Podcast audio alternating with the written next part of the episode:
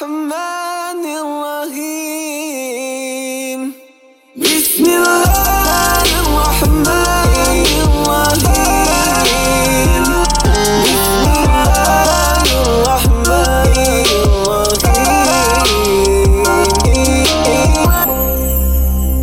Alhamdulillah kita bertemu sekali lagi di episod yang kedua NJU bertemankan yang berbahagia Ustaz Muhammad Nuzhan yang uh, sentiasa eh, menjawab soalan-soalan daripada pendengar kita dan uh, bertemankan juga dengan sahabat-sahabat saya Alhamdulillah dunia dan akhirat uh, Raja Razi. Zara Ismail dan Amin. juga saya sendiri Din Rahim uh, semoga dapat manfaat uh, dan uh, sudah tentunya podcast ini dibawakan khas untuk anda oleh Nur Insan Owe. oleh Nur Insan maafkan saya Kowe. Tak tu, tu brand-brand. saya kira banyakkan minum air zam-zam selepas ini ya. Allah.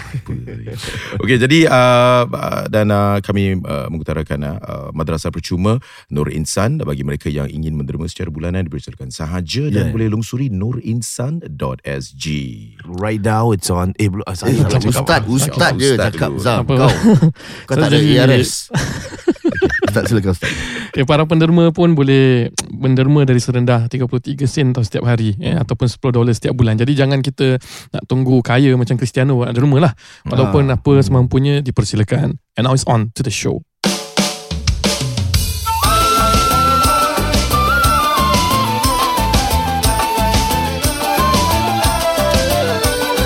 Jangan segan dan malu Marilah mendengar NGU Ajak kawan-kawanmu Menjadi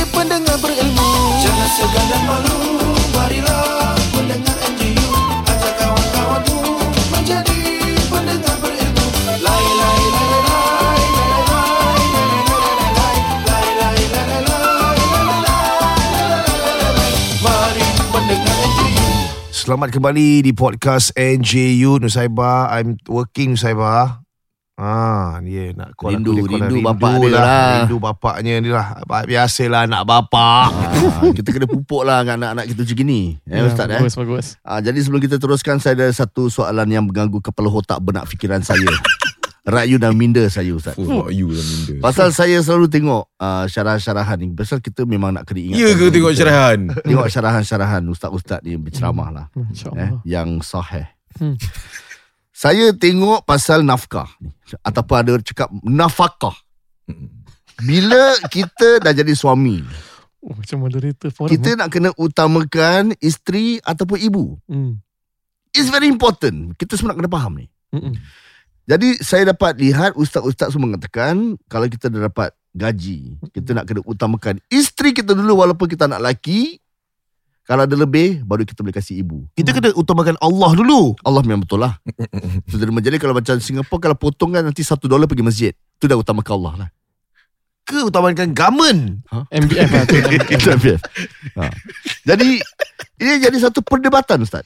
Pasal uh, Ustaz yang ramai mengatakan kita kena kasih nafkah kepada isteri terlebih, terlebih dahulu tapi ibu tu pasal ibu ada suami. Ibu, ibu, ibu. Bapak kita kan. Ibumu, ibumu. Ya. Ibu kita kena jaga hati mereka. Jangan sampai kecil hati, jangan sampai mereka rasa sedih. Jaga hati ibu, Hmm. tapi nafkah utamakan isteri dulu. Bukan ibu dulu, Betul. isteri dulu. Ya. Ha, ni apa Jadi yang soalan dia macam dapat. mana? Soalan dia? Apa soalan Jadi, kau? ap- adakah benar Ustaz? Ah. Pasal ada suami-suami yang dah dapat gaji, dia Hmm. kasih mak dia lebih. Ah, Isteri dia dia kasih sikit. Mana boleh? Tak adalah, tak adalah. Okey, kalau dari segi agama, tentu kita katakan nafkah tanggungjawab suami kepada isteri yang Hmm. berupa makan, pakai, tempat tinggal, perlindungan.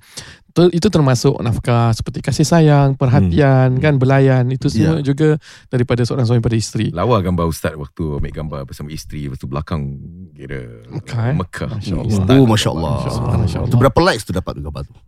33 Waktu aku tengok 33 Dia 33. baru post 3 minutes ago Oh. 3 minutes ago dah 33 Masya Allah. Jadi, adakah kita harus membawa mak kita juga untuk makan di situ? Tak mesti. Bawa lah mak ya, tapi tak mesti. Oh ya ya Tak mesti. Jadi itu juga nafkah. Hmm. Maknanya kita ada tanggungjawab untuk memberi kepada isteri. Mhm. Tapi itu tidak boleh kita jawab sebagai satu percanggahan bahawa kalau kita dah berikan isteri bermakna mak tak dapat Mm-mm. ataupun dah berikan pada isteri bermakna mak dapat sikit Mm. atau dah beri isteri atau mak dapat banyak. Ya ya Itu adalah budi bicara keluarga masing-masing. Aha. Yang paling penting adalah tanggungjawab kita utama sebagai suami adalah memberikan kecukupan kepada isteri kita. Right, right. Manakala sang ibu kita itu merupakan tanggungjawab semua anak-anak bersama Mm-mm. kan dan dalam masa yang sama kalau beliau masih punya suami ibu ayah kita masih bekerja dan sebagainya Mhm. itu tanggungjawab ayah kita tapi bila ayah kalau sudah tidak ada ataupun tidak bekerja lagi kedua-dua daripada mereka tu merupakan peluang untuk sang anak memberikan kecukupan kepada diri mereka Mhm. tapi saya nak bawa peng, apa pengetahuan dan juga pe- perhatian kita bersamalah pertama jangan kita melagakan ataupun merasakan di situ ada percanggahan Mm. Aha. Sebenarnya kita boleh saja memberi kepada semua dengan keadaan yang semua berpuas hati dengan Faham. budi bicara masing-masing. Itu yang pertama. Kedua, uh, kita rebut peluang. Kita rebut peluang untuk berbakti selagi mana ya, ibu ayah masih lagi ada. Mereka bukan harapkan ataupun tadahkan apa Tak harapkan duit kita lah Ustaz Ah, duit sebenarnya. dia lebih kepada Ya. nak ke- ber- keberkatan rezeki dan Mhm. juga kita dapat berbakti dan kalau dapat ziarah Mm. berikan perhatian dapat telefon tidak menyusahkan mereka dan doakan mereka sen- sentiasa itu saya rasa perkara-perkara yang uh, tidak ternilai juga Right, yang right, boleh right. kita lakukan Ni satu Okay. soalan Ustaz daripada Abam Teratora ni. Mm. Beliau tanya, salam Ustaz dan semuanya. Assalamualaikum. Waalaikumsalam. Ha, kalau seorang lelaki bertindik telinga, Hmm. dah pernah tindik telinga eh, Mm-mm. boleh ke jadi wali untuk adik perempuannya? Pasal pernah dengar cerita orang cakap once dah tindik, dah tak boleh jadi wali lagi. Betul ke Ustaz ni? Ha. Okey. Bertindik ni apa ni kita? Pula apa nak jadi? Kalau menek-menek, okey lah ni tindik betul. Cik baik saya pernah tengok juga balik ni tengok ni betul ke rupanya magnet semata-mata eh. Saya tak ada Ustaz biar masa tak tindik ni semua benda-benda ni. Masa Janganlah saya pergi park Saya pakai magnet Ustaz Bila berenang-berenang ah, Ting tertenggal. Ah, saya pernah nak tindik. Kemudian? Tapi saya ingat saya orang Islam. ya Allah. masya-Allah apa punya punya apa punya statement ni?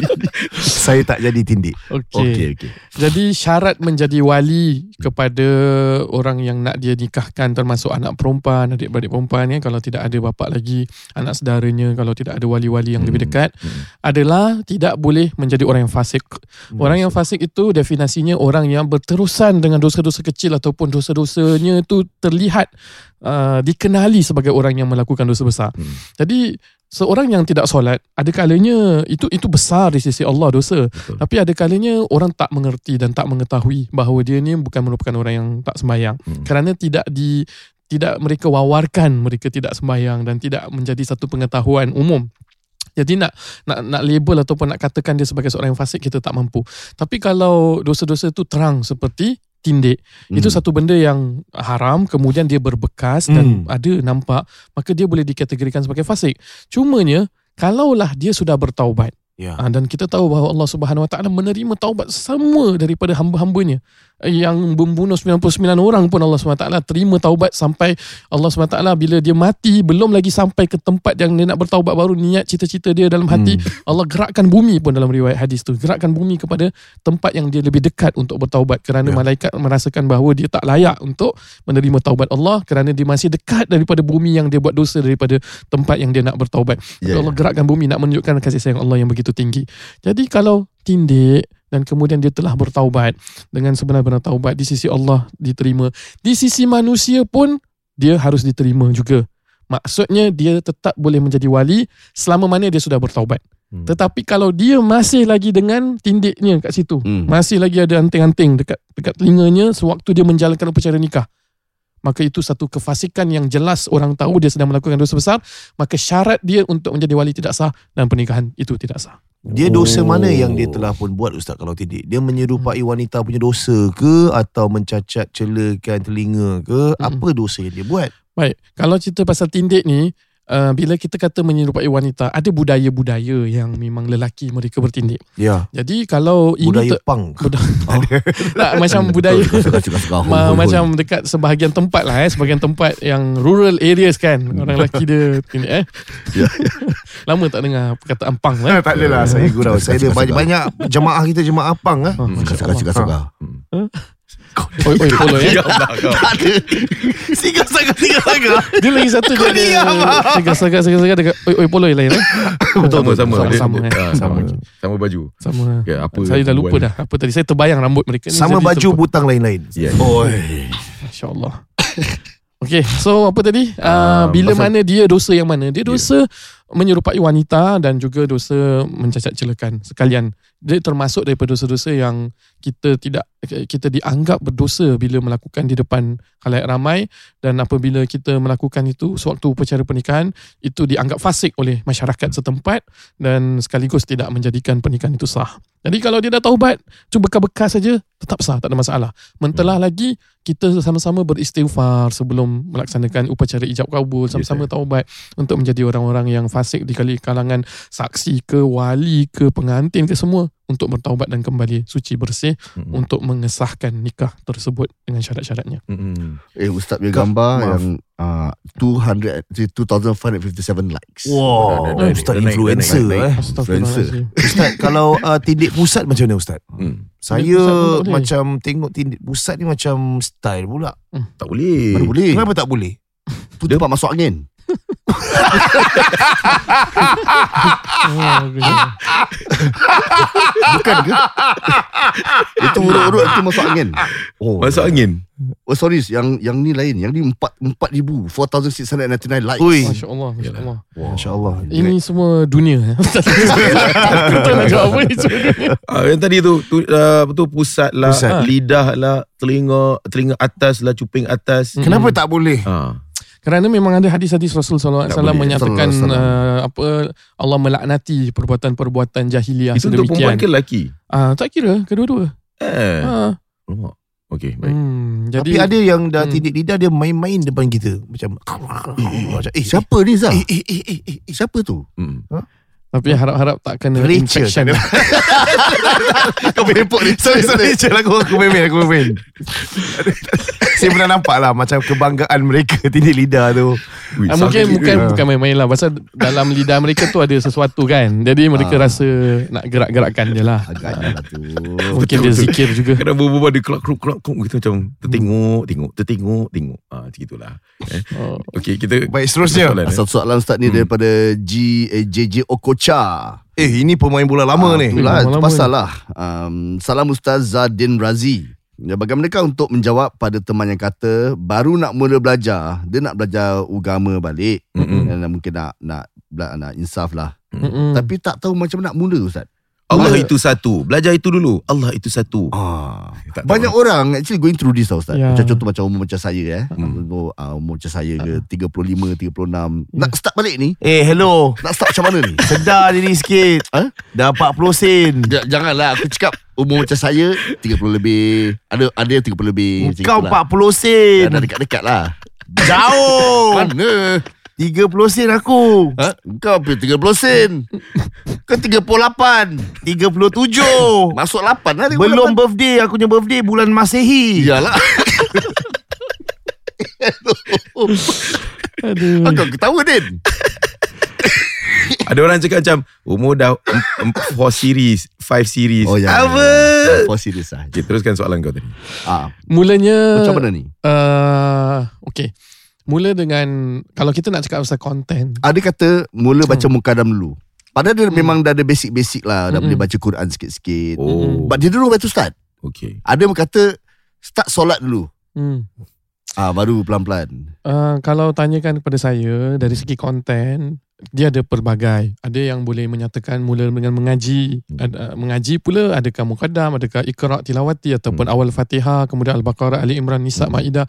Kalau pula ada kata mula dengan menjaga solat lima waktu, ada pula kata dengan mula menjaga akhlak, eh, menghormati ibu bapa, menjaga sifat-sifat yang buruk dalam diri, men- membawa sifat-sifat yang baik seperti sifat terpuji sabar, syukur dan sebagainya. Jadi kalau dari segi konten tentu tiga serangkai itu tidak boleh kita lari. Tiga serangkai maksudnya akidah, tauhid kepada Allah SWT, percaya kepada malaikat, kitabnya, para nabinya, hari akhirat, qada dan qadar. Uh, dari segi Islam pula uh, kita cakap pasal semayang, puasa, Hmm. syahadah, tu semua zakat, haji Hmm. dan akhlak kita cakap pasal apa sifat mahmudah dengan mazmumah kurang-kurangnya. Itu dari segi konten. Right. Tapi kalau tanya saya mula dari mana? Mula daripada mana yang kita rasa kita boleh konsisten. Okay Daripada mana yang kita rasa senang kita nak mulakan kelas tu. Kalau you rasa podcast NJU you dengar, you rasa selesa untuk menjadi orang lebih baik, lebih bersyukur pada Allah, lebih taat pada perintah Allah, then that's your starting punya pembelajaran. Kemudian you mula pergi, okay, aku rasa pergi kelas ngaji lah. I think kelas ngaji. Don't let anyone say that, eh kau tak boleh kelas ngaji dulu, kau kena gini dulu. Kan Hmm. uh, as long as it is still a fundamental and as long as you know your path you start off this way will Yeah. make you consistent and will make you better then at your own pace Betul. that is what I think is very sesuai lah uh, zaman Nabi SAW pun Nabi SAW. tidak Nabi tidak katakan dengan sahabat semua kena mulakan seperti ini ada Ya. sahabat dia mula dengan ini ada sahabat bila bertanya Nabi jawab ini Ya Rasulullah ayyul a'mal afdal indallah mana amalan yang paling afdal di sisi Allah sahabat ni dapat birrul walidain taat ibu bapa. Sahabat ni dapat infak fisabilillah. Sahabat ni dapat as-salatu ala waqtiha sembahyang pada awal waktu.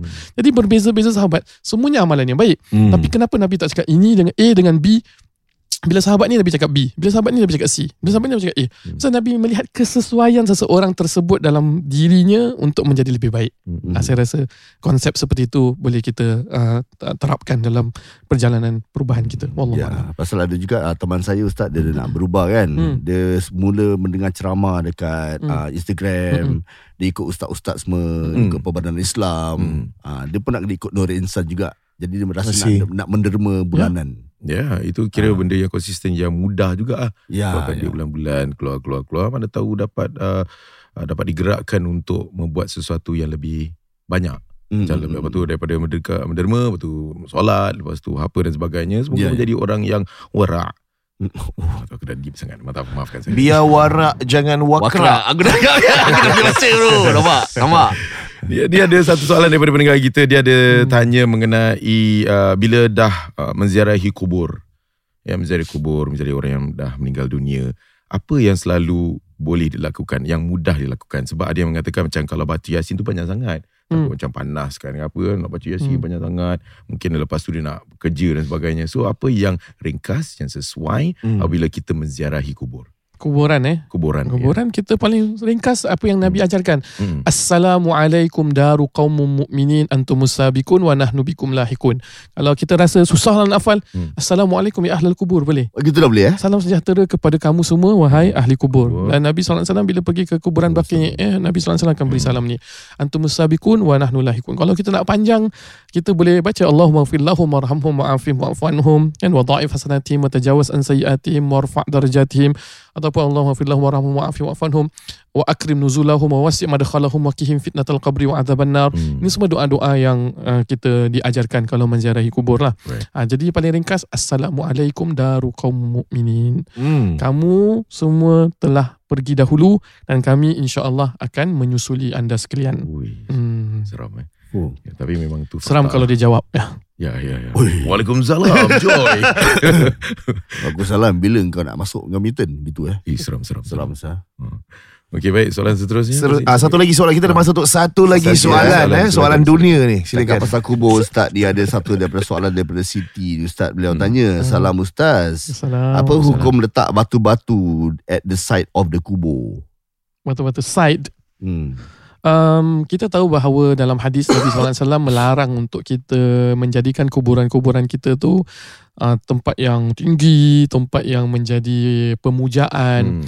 Uh, tetapi bila ulama-ulama fikah membincangkan hadis-hadis tersebut, sekadar mana dia tidak jatuh dalam pembaziran, Uh. sekadar mana itu sebagai penanda untuk Ya. kita tahu di mana kuburan kita. Kalau dekat Bakit sekarang kan zaman sekarang, zaman Hmm. Ottoman Empire lain, Bakit tu gambaran yang lain. Zaman sekarang uh, cuma ada dua batu je. Uh, kalau menandakan ni kuburan lelaki, ni kuburan perempuan. Hmm. Tapi kadang-kadang kita tak tahu ni siapa punya, ni siapa Hmm. punya. Pasal mungkin masyarakat mereka merasakan tidak penting untuk tahu siapa. Ziarah-ziarah semua je kan. Oh. Tapi macam kita, kita ada sentimental value. Kita nak tahu ni kuburan. lain culture eh. Ah, Ha. ni kuburan ayah kita, ni kuburan arwah datuk kita. Hmm. Jadi untuk meletakkan batu se- sekadar uh, kebiasaan masyarakat setempat yang tidak ada pembaziran dan tidak ada pemujaan, maka Hmm. dibenarkan. Tapi kalau kita punya masyarakat, kita punya tempat, masalah fikir kita tu uh, macam ni, tiba-tiba kita buat extravagant kan. Hmm. Dah lah Ya. membazir Hmm. kan pada satu masa nanti akan 30 tahun eh akan apa berapa tahun eh sekarang 15 Apa dia? akan exhume kembali kan. Oh Oh, di situ dah pembaziran. Right. Uh, jadi kalau batu di tepi-tepi tu uh, tak boleh lah. Okey. Kalau Ah, boleh 15 jangan years lah. 15 eh Senang cakap ni kubur men, kubur kata mari tak apa awak cakap apa? Apa? Dunia kata pergi Kubur kata. kata, mari Ah, yalah. Begitulah keadaannya. Apa amalan-amalan kita yang telah pun kita lakukan untuk persiapan bagi mati? Mhm. Kerana kehidupan itu sebenarnya adalah persiapan untuk mati. Hmm, hmm, hmm. Dan uh, kita akan bersama dengan teman-teman kami. Eh bukan bersama dengan teman-teman kami. Mhm. Antara perkara yang boleh kita lakukan adalah Ya. sedekah. Mhm. Dan uh, antara perkara yang boleh kita lakukan sebagai jaminan adalah recurring punya sedekah. Ya. Iaitu sebagai bulanan kita Betul. letakkan ke tepi. Dan begitulah keadaannya.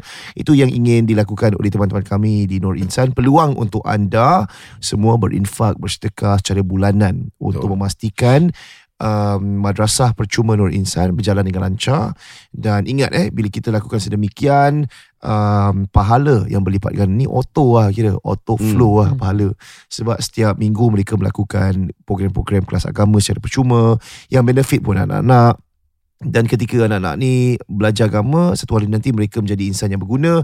Mereka lakukan perkara dan bila ditanya di mana kau belajar agama? daripada Nur Insan. Siapa Yeah. yang bayar? Secara free uh, ini adalah uh, daripada sedekah peningkat-peningkat NJU subhanallah. Ber- betapa besarnya uh, pahala yang anda bakal raih. Kerana uh, bukan saja memberikan sedekah malahan mendidik uh, satu generasi uh, masyarakat yang merupakan generasi cemerlang akan datang insyaallah. Ya, dan uh, ini kadang-kadang selalu kita dengar macam bagi mereka yang tidak ada kewangan boleh masuk madrasah ni tapi tidak ini terpulang untuk sesiapa sahaja Yes, sebenarnya. you're right, you're right. Yes, uh, bukan tak kisahlah kau daripada uh, tangga gaji bagaimana keluarga kau tapi dipersilakan untuk semua lapisan uh, apa tu lapisan uh, family yang Hmm. boleh uh, bersama dengan Nur Insan untuk belajar agama. Diorang ada secara online dan sebagainya. Korang boleh check out diorang punya website di nurinsan.sg. Lepas tu di sebelah kanan tu ada donate now dan uh, diberikan peluang untuk anda buat uh, sedekah secara bulanan untuk Madrasah Nur Insan ini. Yeah. Dalam Al-Quranul Karim Allah sebut kisah orang yang sudah meninggal dunia Mhm. antara penyesalan mereka adalah mereka ingin kembali ke dunia dan bersedekah. Allah sebut Oh. dalam Al-Quran, "Laula akhartani ila ajalin qarib Hmm. fa asaddaqa wa akum minas salihin." Hmm. Allah sebutkan penyesalan orang yang dah meninggal ni dia kata kalaulah kau lambatkan lagi ajal aku Ya. nescaya aku ada akan antara benda yang aku menyesal adalah nescaya aku akan dah bersedekah dan aku menjadi orang yang soleh. Okay. jadi uh, macam mana cara-caranya ni Hmm, mudah saja sekali lagi nurinsan.sg pergi website mereka. oh mudah saja Ah, caranya ah, Dah, kan, di sebelah kanan tu ada donate now Ya. Ah, dan uh, korang ada di sebelah kanan tu juga ada uh, korang boleh tekan untuk uh, korang donate secara bulanan. Ya. And of course alhamdulillah kita secara berbangga lah sebab Faris pun member kita Yes. dia dapat uh, membuka satu lagi cawangan di kawasan west side. Ya, west side iaitu di Bukit Batok. Ya. Uh, dan uh, bagi mereka ni uh, berita gembira lah bagi Hmm. anak-anak di sebelah west side tu untuk belajar agama ada Nur Insan kat situ. It's really interesting sebab Yeah. when we met him it was satu cawangan kan. Betul. Lepas tu right after the fundraiser activities that you have done with NJU dia buka satu cawangan. Dan ada tiga cawangan. Betul. Dan kalau kita bagi mereka yang berniaga, mereka tahu uh, kalau nak buka cawangan ni bukan satu perkara yang mudah. Dia ada renovation cost dia. Hmm. Dia ada rental cost. Rental cost kau tak boleh bayar satu bulan. Uh, kau kena letak Dia macam kalau 2 tahun rental, Aha. dia 2 months deposit, 2 months rental loh. Tu plus Ah, one. itu- 4 bulan jatuh bro. itu tengok tempat. Ada Ah. kena jatuh 6 bulan kan. Ah, 6 bulan dulu. Kita Ui. tengok kat mana. Ya, ya. Uh. So kalau let's say rental takkan kau nak ambil uh, storage punya space 2000 sebulan. Oh, tak ada. Uh, dia kalau nak buat macam tuition center punya space dia Lebih, kurang-kurang 5 figure Ya. sum. Proper lah. Ah, Habis kalau let's say kau kali tu dengan 2-3 bulan. Oi, Ya. agak berat. Itu cash tak upfront tau. Ya, ya. Habis dah, dah tu renovation. Renovation takkan 7,000 dolar. Yalah. Dia nak kau tengok renovation Nur Insan dia ada paneling dia nak buat whiteboard, nak paint, Toilet. sebab, uh, toilet sebab budak-budak nak selesa gunakan uh, tandas seumpamanya. Hmm. Ada tempat solat. Hmm. Ah, ini pun ada 5 figure sum. Hmm. Dah kena keluar cash upfront juga. Betul. Ah, lepas tu gaji asatiza Ya, bulanan mesti staff. jalan. Staff dalam keadaan inflation, inflation ni takkan nak bayar seribu lebih. Ya. Eh, mesti ada juga pembelajaran lebih yang perlu dilakukan. Sebab kita tak nak discourage orang-orang. Kau tengok eh dalam nak cari talent yang baik, mestilah bayar gaji yang baik. Hmm. Baru orang nak datang. Dia bukan macam cakap, ah ni gaji asatiza tak apalah, lah kadar lah. Ah, ah, nak mengajar macam mana boleh macam tu. Ah, ikhlas, ikhlas. Mati Pemikiran, lah. pemikiran macam ni dah lapuk ah. Ya. Mungkin zaman-zaman dulu kala mungkin adalah pemikiran macam ni. Tapi zaman sekarang susah. Hmm. Kau nak kena ada pembayaran yang setimpal untuk mereka. Nak naik Grab pun kau tengok sekarang berapa. Hmm. Ah, nak naik MRT bus pun dah berapa. Inflation dah berapa. Percentage GST dah berapa. So ini semua costing. Yalah. Jadi Siapa mau bayar? aha, Hmm. ini adalah dari segi uh, infak anda semua kepada Nur Insan dan telah pun Din Rahim beritahu Hmm. dan sehingga kita berj- berjumpa lagi di lain kesempatan. Oh. Wabillahi taufiq wal hidayah. Wassalamualaikum warahmatullahi wabarakatuh. Wabarakatuh. Wabarakatuh pula ya Allah. ila liqa. Eh ila liqa dulu eh. Ah. Alamak ada salah lah Arab aku ni. Ah, Jumpa lagi lepas Oh tu sebelum habiskan um, Ada pendengar kita Dia hantar Dua kotak besar Chicken wing Huh? Terima kasihlah kepada beliau lah Bila? Ah, Dia dah hantar ni Dah hantar Masya kita Allah. makan lah Terima kasih Eh eh. korang nak makan dulu Ajel Makan, Okay, makan, makan, apalah. makan, makan, Ya Allah. makan, Baik eh. sekian saja Assalamualaikum warahmatullahi wabarakatuh